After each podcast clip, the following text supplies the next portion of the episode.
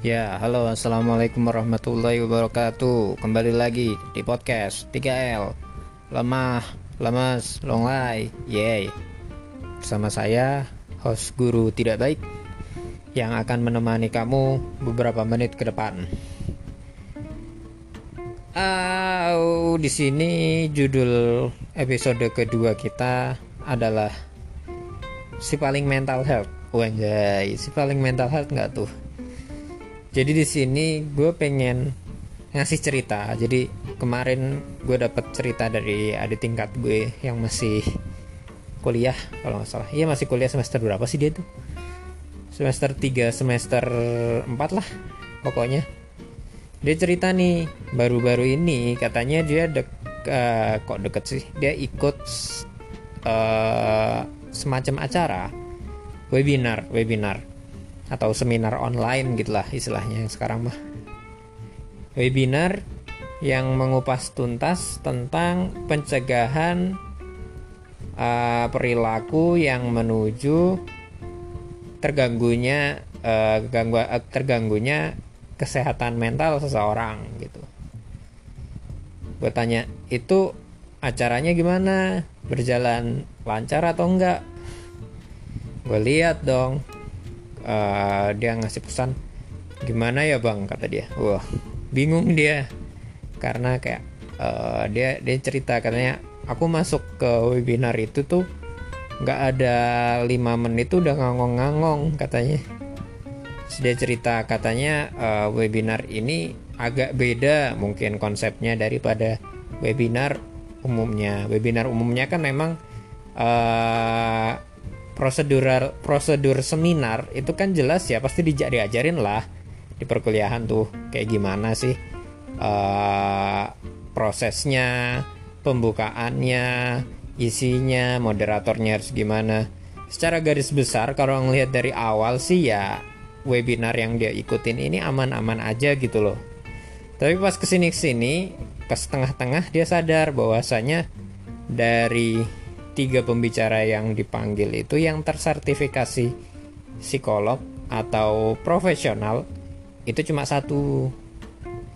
Kata gue gue nganggapnya ya ya mungkin karena gratis ya akhirnya ya ya minimal budget lah. Sisanya dia ngundang kalau nggak salah ngundang influencer. Gue nggak tahu influencernya siapa dia nggak nyebut. Berjalanlah webinar ini. Webinar itu setahu gue ya setahu gue itu biasanya kan kalau semisal kita punya topik nih Terus kalau udah ada topik itu nanti bakal dipecah lagi jadi subtopik beberapa subtopik nih. Nanti subtopiknya itu baru dibahas sama pembicara ini. Per pembicara lah dibahas gitu kayak pembicara pertama ngebahas topik apa, pembicara kedua ngebahas topik apa, ketiga ngebahas apa. Biasanya pembicara kedua sama yang ketiganya yang malah menarik daripada pembicara pertama yang ngebuka. Biasanya kan gitu ya kalau di perkuliahan, di webinar-webinar resmi. Ternyata webinar yang kemarin ini modelnya yang kalau gue lihat lebih kayak talk show. Jadi kayak uh, apa sih? Pihak penyelenggaranya tuh nyiapin pertanyaan kayak Q&A satu pertanyaan buat nanya ketiga pembicaranya. Jadi kayak pertanyaan A silahkan pembicara A jawab. Kemudian setelah A menjawab, B menjawab. Setelah B menjawab, C menjawab. Yang gitu-gitu tuh itu kan menurut gue menurut gue pribadi setahu gue yang kayak gitu tuh namanya tuh bukan webinar bukan webinar aja tapi ya talk show aja. Kayak uh, jadi berangkat dari pertanyaan terus dijawab. Pertanyaan terus dijawab. Tapi yang bikin uh, herannya lagi yang bikin paling heran bikin apa ya istilahnya? Uh, adik tingkat gue itu heran itu katanya karena ngomongin mental health mental health mental apa sih pronounce-nya? Makanya kesehatan jiwa lah kesehatan kejiwaan itu.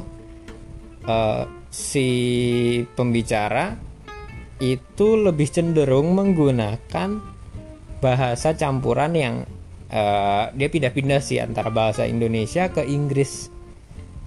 Anehnya lagi masalah uh, ada tingkat yang ngikutin itu ngerasa kayak uh, lebih banyak Inggrisnya ya ketimbang bahasa Indonesia. Ya sebenarnya nggak apa-apa sih ketika kita menggunakan bahasa Inggris untuk menjelaskan sesuatu suatu bidang keilmuan itu memang kelihatan lebih maju, lebih bisa menimbulkan rasa percaya diri atau uh, derajat di beberapa orang gitu. Tapi kan kalau semisal ngobrolin kesehatan maksudnya pencegahan kesehatan itu apa nggak lebih baik ya? Pakai bahasa Indonesia sepenuhnya. Mungkin gitu sih dari pandangan gue sama adik tingkat gue tapi ya karena sekali lagi itu gratis itu gratis dan kita nggak uh, dapet sesi untuk ngasih masukan ke pihak penyelenggaranya jadi udah kita terima-terima aja. Uang udah selesai kok acaranya udah jalan. Lanjut lagi. Pas ketika oh iya masalah bahasa Indonesia sama bahasa Inggris ini nggak sepele sebenarnya kalau dalam apa sih pendidikan pemberian informasi atau konseling ke orang-orang sebenarnya bukan konseling juga jatuhnya penyuluhan. Nah dalam penyuluhan dalam menerangkan suatu metode yang bisa mencegah uh, terancamnya gangguan atau kesehatan jiwa itu sendiri.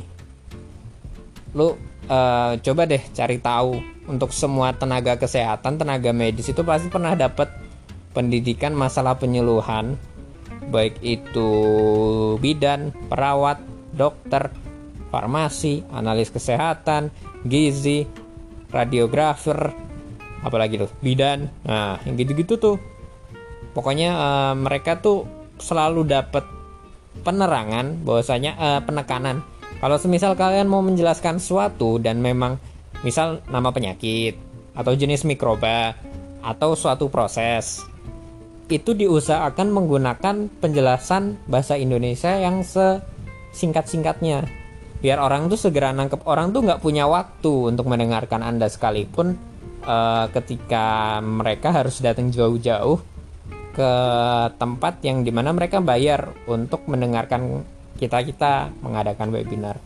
Itu selalu ditekankan bahwasanya kalau kalian terlalu banyak menggunakan bahasa Indonesia eh bahasa Inggris atau bahasa-bahasa asing yang diketahui capaian untuk mendapatkan apa ya istilahnya peningkatan pengetahuan setelah penyuluhan itu bakal rendah banget. Orang-orang tuh bakal kayak ya datang biasa pulang biasa lagi. Nggak ada ngaruhnya. Makanya di sini kan perlunya kita uh, bagi teman-teman semua yang mungkin dari psikolog, dari kedokteran kejiwaan, perawat atau bidang-bidang lainnya yang sedang mempromosikan kesehatan kejiwaan, alangkah baiknya menggunakan bahasa yang singkat yang mudah dimengerti orang-orang. Tenang kok, eh, capaian kita itu untuk capaian kita untuk menjelaskan sesuatu itu adalah orang mengerti tentang hal yang kita jelaskan gitu bukan uh, bukan yang lain lah intinya kayak gitu. Takut gue.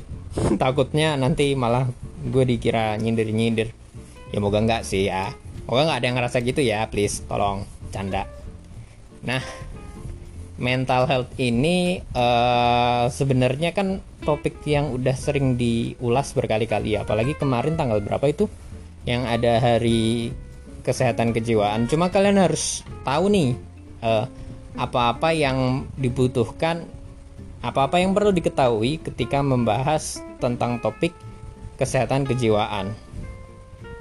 Yang pertama, ini ini poin-poin dari gue aja ya. Kalian kalian boleh nggak boleh setuju, boleh nggak setuju juga, nggak apa-apa nggak masalah.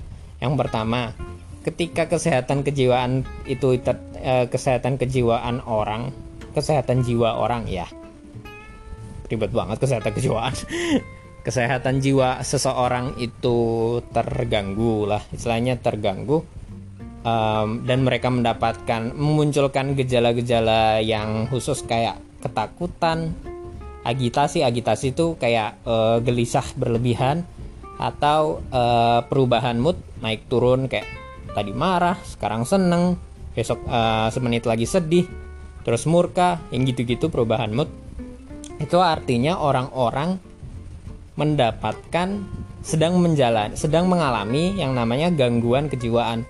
Nih, yang perlu kalian garis bawahi, yang benar itu gangguan kejiwaan, bukan penyakit jiwa. Gak ada yang namanya penyakit yang menyerang jiwa seseorang, adanya gangguan. Orang-orang pada bingung nih. Kenapa loh? Emang apa bedanya penyakit sama gangguan? Secara kata secara kar secara kata gue hampir ngomong secara terminologi biar keren gitu kan tapi nggak usah deh Jadi secara kata, secara perkataan, secara makna kata, gangguan itu disebabkan oleh beberapa faktor yang lebih sulit dirubah daripada penyakit. Contoh, orang kena flu, orang kena flu nih. Orang kena flu dalam dalam orang yang terkena flu ini pasti ada faktor-faktor yang uh, menyebabkan dia flu. Pertama mungkin suhu.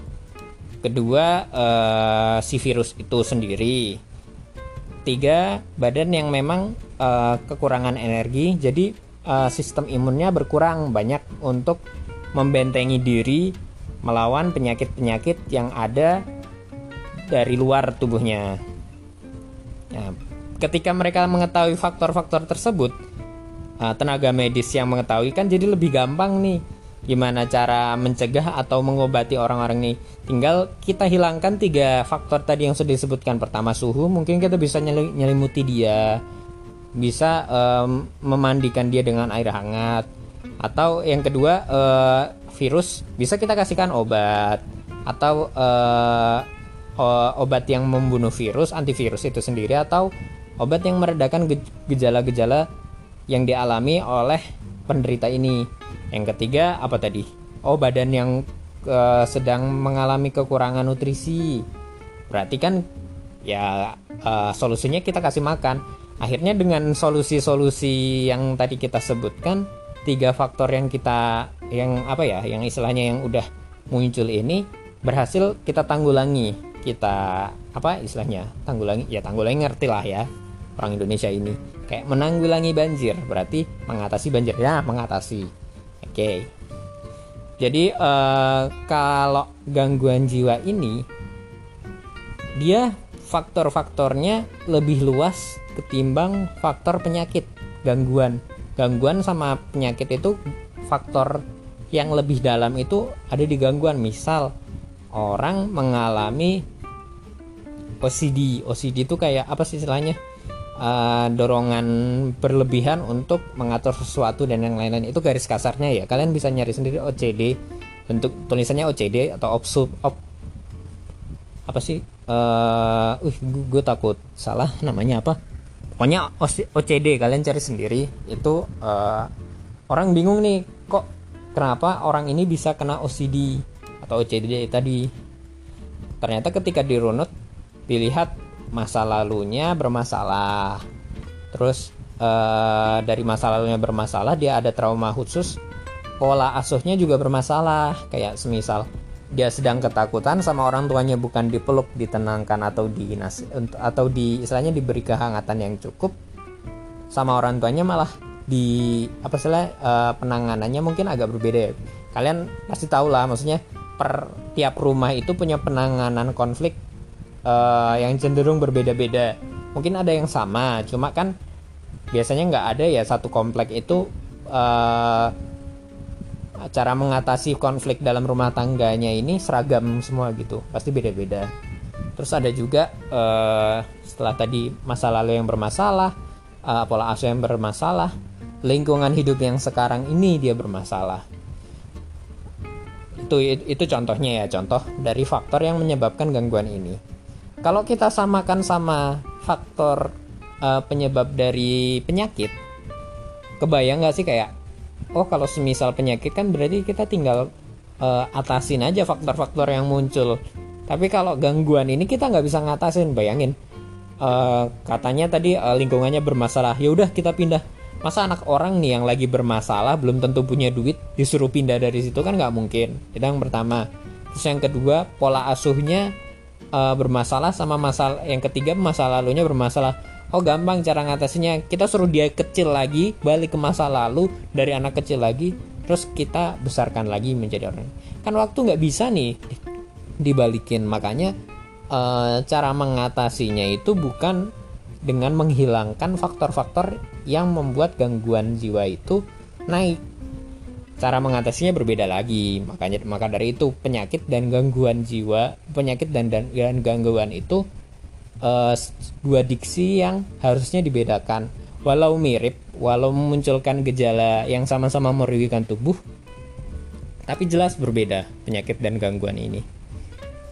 Ya, jadi kalau semisal orang punya penyakit itu dia uh, sama orang dia dia di ketika dihadapkan dengan tenaga medis tenaga medis makan akan mengobati jadi istilahnya kalau semisal uh, penyakit itu bisa disembuhkan gangguan itu nggak bisa disembuhkan tapi bisa dipulihkan keadaannya.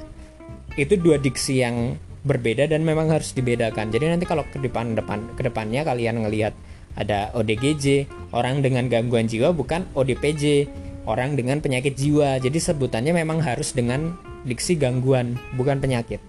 Itu yang perlu kalian ketahui pertama kali pertama-tama. Ya poin kedua. Lanjut. Poin kedua itu uh, tentang yang perlu kalian ketahui tentang gangguan jiwa. Ada nih gue pernah dengar statement. Kak jangan-jangan orang dengan gangguan jiwa jangan-jangan sorry sorry jangan-jangan semua orang di dunia ini sebenarnya ini punya ke gangguan kejiwaan. Bedanya mereka periksa dan mereka nggak periksa terus jangan-jangan semua orang ini sebenarnya sama-sama. Jadi gangguan kejiwaan itu sebenarnya hal-hal yang remeh. Ada beberapa orang yang punya statement-statement kayak gitu. Bahkan gue pernah dengar gitu di salah satu konten bahwasanya gangguan kejiwaan tuh jangan-jangan ini apa uh, masalah orang kaya aja. Jadi kalau selama lu nggak kaya lu pasti nggak bakal dapat gangguan kejiwaan deh uh, itu sebenarnya salah ya. Itu sebenarnya statement yang salah. Mungkin waktu itu itu cuma sekedar statement apa sih clickbait biar orang-orang dengar konteks isinya. Apa ya nggak apa-apa lah. Maksudnya kalau ya siapa sih? Maksudnya kalau di dunia di negara kita kalau nggak di clickbaitin kontennya itu orang-orang tuh bisa mau dengar ya jadi gue malu-malu aja sih. Tapi kalau kembali ke pertanyaan lagi kapan kita harus periksa kejiwaan kita cara yang paling gampang itu cara mengindikasi bahwasanya kita sedang mengalami gangguan kejiwaan itu ketika jam aktivitas kita sudah mulai terganggu. Yang paling ngaruh tuh biasanya kelihatan dari jam tidur. Kalau orang biasanya bisa tidur 6 jam ya, referensinya ya ini kasih referensi pengetahuan sedikit. Uh, referensi ini bisa beda-beda kalian boleh ikut mana aja yang penting ini referensi yang pernah saya dapat. Tidur wajar itu 6 jam tidur uh, sehat itu 7 jam tidur cukup itu 8 jam. Jadi misal kalian tidur 6 jam bisa oke okay, nggak apa-apa. Cuma kalau tidur untuk pemulihan itu makan 7 jam. Kalau tidur untuk benar-benar tidur cukup untuk memulihkan dan untuk membuat badan kembali badan kan kalau tidur kan tumbuh ya itu 8 jam.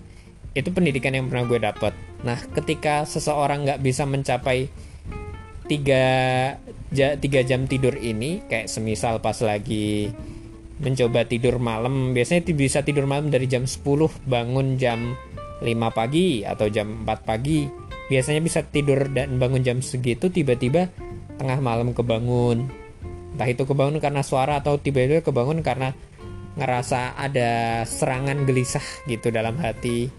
Atau dia kebangun aja terus habis bangun itu nggak bisa tidur lagi ngerasa deg-degan. Nah ketika tidur kalian sudah mulai terganggu itu kalian boleh langsung datang ke psikiater atau psikolog kalau kalian mau. Itu yang paling penting itu yang paling paling gampang cara mengidentifikasi gangguan jiwa itu ketika tidur kita udah keganggu. Tapi kan gangguan jiwa itu kan ini ya uh, apa luas ya. Luas ranahnya kalau semisal ada juga yang gangguan kejiwaan yang kayak uh, melibatkan tentang pola makan ada gangguan jiwa yang bentuknya nggak ganggu tidur cuma ketika kambuh itu kambuhnya parah banget.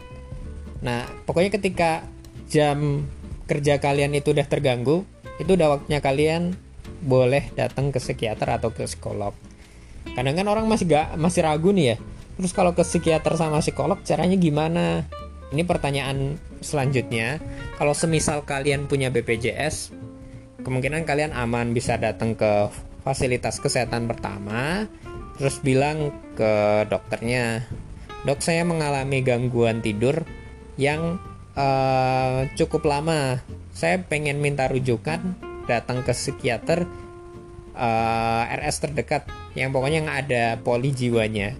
Itu kalau kalian mulai dari gangguan tidur buat datang ke vaskes pertama itu pasti nanti kan kalian bakal dikasih. Atau kalau kalian punya duit berlebih uh, dana berlebih itu kalian langsung datang ke rumah sakit minta ke poli jiwa uh, diagnosanya ya gangguan tidur. Itu nanti pasti kalian bakal langsung dirunut. Itu. Terus yang kalian perlu ketahui nih uh, wajar ketika kalian datang ke psikiater atau ke psikolog diagnosa yang kalian dapat dan solusi yang kalian dapat itu jelas dua hal yang berbeda.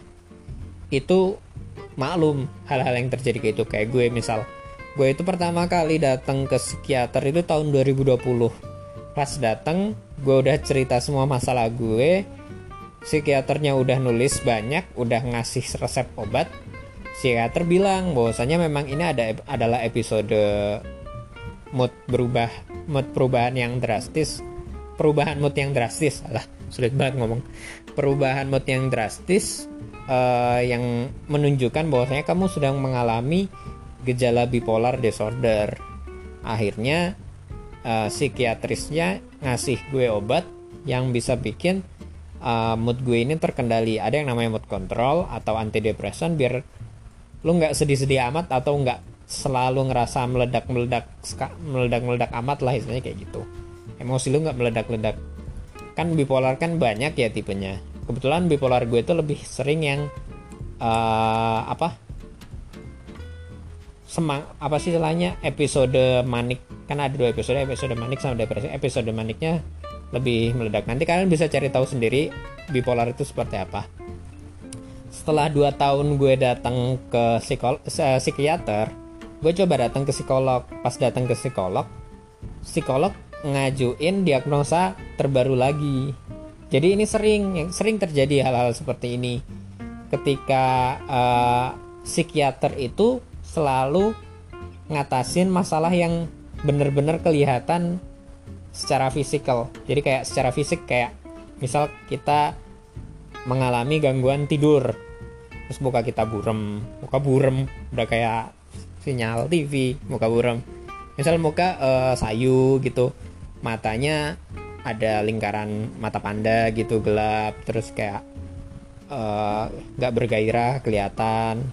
Ketika psikiatris tahu gejala itu psikiatris bakal ngasih obat yang bisa ngatasin permasalahan-permasalahan tersebut. Nah kalau psikolog, psikolog bakal ngegali lebih dalam kenapa nih bisa terjadi seperti ini. Ya kalau psikiater itu ngurusin dari luar, psikolog ngurusin dari lebih dalam lagi. Dan memang ya karena metodenya lebih dalam di psikolog, BPJS itu belum bisa mengcover uh, untuk sampai sekarang ya belum bisa mengcover uh, fasilitas uh, konsultasi psikolog kalau nggak salah sih bisa. Masih bisa kalau ke ranah RSJ RSJ daerah rumah sakit jiwa daerah itu ada yang namanya psikologi ada namanya psikolog dan kayaknya memang bisa deh datang ke sana pakai rujukan BPJS cuma gue belum pernah nyoba. Selama ini kalau gue datang ke RSJ gitu gue datangnya ke polisi psikiatri jiwa. Nah di situ kan kayak kadang gue sempat kaget nih kok kata psikiatris gue gue ini bipolar. Terus kalau kata psikolog gue ini ADHD cuma uh, belum sempat tertangani dari kecil. ADHD itu sebenarnya munculnya dari kecil dari umur 3 tahun dari 4 tahun. Dari situ kayak wah gue sempat ini dong. Jadi pas lucunya tuh pas ketika gue datang ke psikiatris terus gue datang ke psikolog gue bandingin. Psikolognya itu kayak langsung hah? Kok bisa kok bisa mereka uh, mendiagnosa tanpa ini terus? Kalau gue datang ke psikiatris kalau psikiatris malah ngomong kayak gitu. Ya memang seperti itu mas. Psikiatris sama psikolog itu wajar berbeda karena memang ranah uh, apa ya pemecahan solusinya itu pusatnya beda. Ingat psikiatris memecahkan masalah dari yang kelihatan dari luar psikolog mencoba mengurai masalah yang ada di dalam. Nanti uh, apa istilahnya bukan output uh, hasil terapinya juga berbeda. Psikiatris cenderung menggunakan prosedural seperti obat, eh, obat-obatan, obat lagi.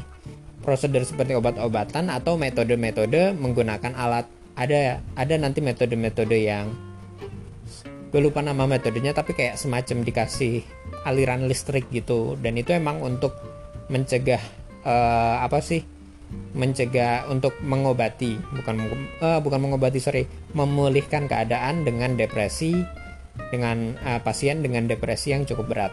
Itu nanti kepalanya ditempelin kayak apa gitu alat-alat gitu buat dialirin listrik. Nggak sakit sih soalnya kita dibius waktu itu itu.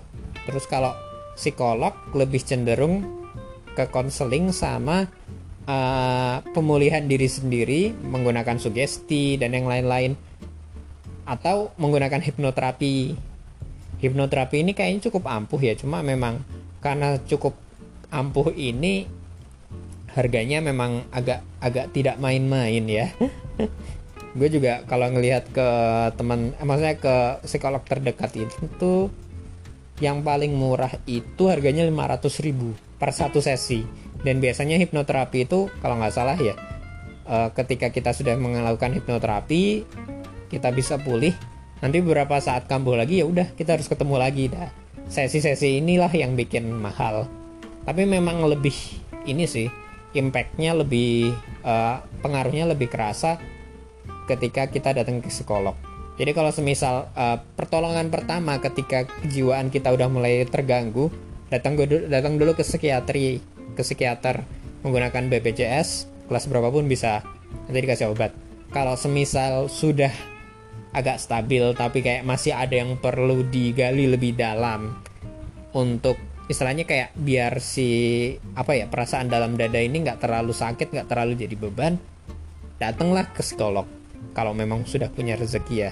Karena memang uh, biaya yang gue lihat secara kisaran ya untuk konsultasi psikolog mungkin di, di kota-kota besar ada konsultasi secara gratis. Cuma kalau di tempat-tempat gue di tempat sekitaran gue itu paling murah ketemu itu 250 per satu sesi satu jam.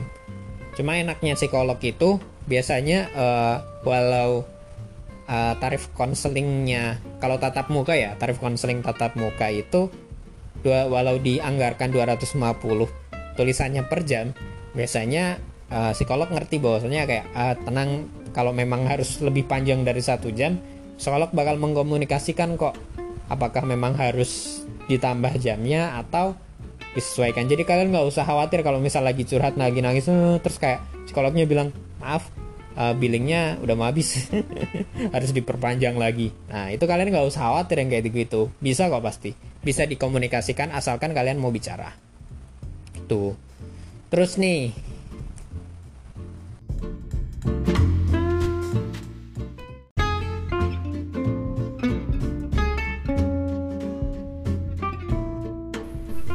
Nah, yang ketiga, uh, ini gue mau nambahin lagi nggak ya di sini? Udahlah yang ketiga dulu. Uh, yang harus kalian ketahui itu ketika kalian mengurus kejiwaan diri sendiri atau kejiwaan orang lain, kita nggak akan bisa terlepas dari yang namanya asumsi orang-orang. Dan yang perlu kalian ingat dan kalian garis bawahi adalah asumsi orang lain itu bukan kontrol kalian, bukan kendali kalian. Jadi misal kalian pengen ber berobat lah bukan berobat uh, memulihkan diri dari keadaan gangguan jiwa yang gak karuan seperti ini uh, orang pasti bakal mikir kayak wah ternyata dia gangguan jiwa ya. Wah ternyata dia punya masa lalu yang berat ya ternyata. Wah kira-kira dia kenapa ya? Orang orang nggak bakal bisa nggak bakal bisa berhenti gitu untuk uh, mempertanyakan si orang ini kenapa ya? Jangan-jangan pasti di masa lalunya seperti ini masa lalunya seperti itu. Dan ya mau dibendung se se sekuat apa pun pada akhirnya orang-orang bakal tahu dan ketika tahu pun ya sebenarnya cuma kayak oh ya udah gitu aja. Mungkin jadi bakal jadi bahan omongan atau yang lain-lain. Tapi ya kalau semisal kalian pikir untuk ngurus kejiwaan ini kalian nggak bakal dapat penghakiman dari orang lain kalian salah besar. Kalian pasti akan dihakimi. Buktinya ketika kalian datang ke psikiater atau psikolog ketika kalian membayarkan uang kalian psikiater sama psikolog ini bakal menilai kalian nilai itu bahasa halusnya dari menghakimi nggak sih? Jadi ya emang dasarnya tuh ketika kalian datang ke psikolog atau psikiater tuh kalian bayar orang untuk nilai diri kalian sendiri.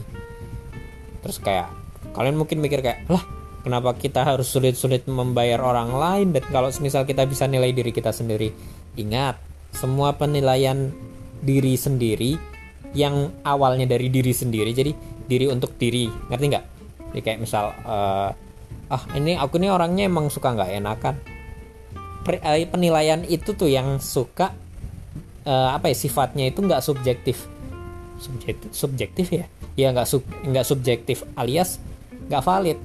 Apa yang kita nilai bisa jadi cuma terjadi dalam pikiran kita. Belum tentu itu beneran terjadi di alam nyata di keadaan nyata itu jadi apa pun yang kita nilai tentang diri kita sendiri itu sering kali sebenarnya nggak valid. Dan ketika ada orang lain satu orang dua orang yang nilai kita itu justru lebih valid daripada penilaian kita. Karena kalau semisal diri kita yang boleh nilai diri sendiri nih ketika kita senang kita bakal nilai diri kita setinggi tingginya ketika kita salah ketika kita bakal nilai diri kita seturun turunnya itu yang bikin uh, penilaian diri itu nggak valid makanya mulai dari sekarang uh, jangan takut untuk dihakimi oleh orang-orang. Karena uh, penghakiman orang-orang itu cuma ya cuma dihakimi terus udah gitu. Tapi yang mungkin bakal merepotkan karena ini juga bakal karena ini juga gue rasa gue rasakan sendiri uh, penilaian terhadap orang sekitar kita. Itu yang paling sulit uh, kita hadapin.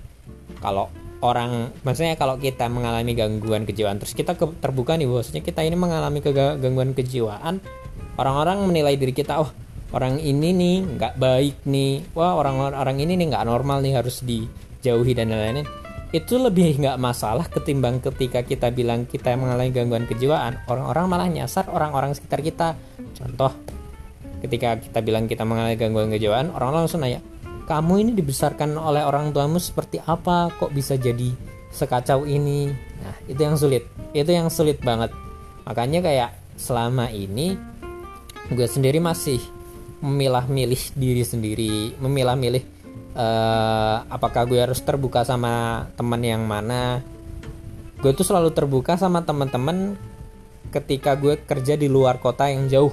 Entah entah jauh lah jauh dari rumah atau jauh dari tempat gue bertumbuh gue bakal terbuka bosnya. Gue punya keadaan seperti ini yang memungkinkan gue melakukan hal gue yang memungkinkan gue uh, melakukan hal-hal seperti ini. Jadi gue gue gue menjelaskan dengan dengan apa istilahnya dengan ringan hati. Berbeda ketika gue kerja di lingkungan yang dekat rumah gue bakal cenderung diem dan nggak menjelaskan apa-apa ketika gue nggak mau gue cenderung nggak mau terus diem.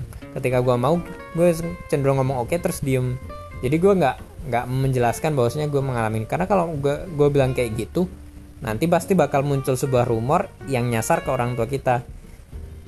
Yang ini ini sulit banget sih jujur. Ketika orang tua udah sulit sama kita itu maksudnya orang tua tuh udah kesulitan nih sama kita yang mengalami gangguan kejiwaan.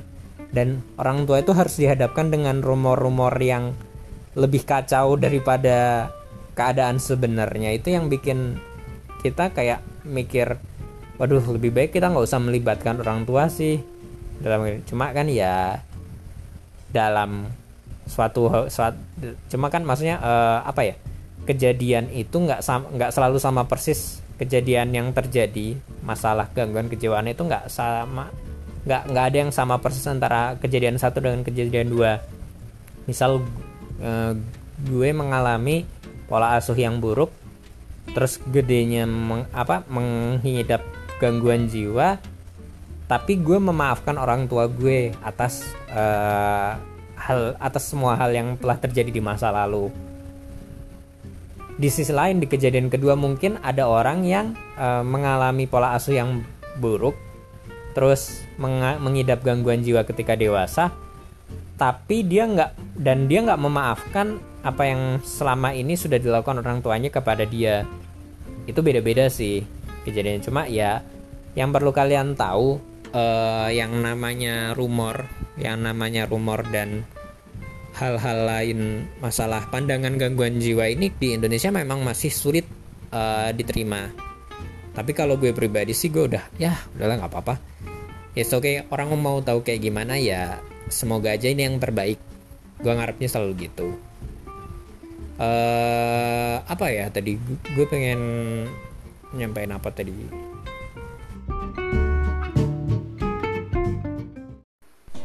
Hai lagi teman-teman untuk informasi selanjutnya kalian bisa langsung follow Instagram saya di @gurutidakbaik langsung klik Instagram, langsung klik follow, dan kita nantikan episode selanjutnya. Terima kasih.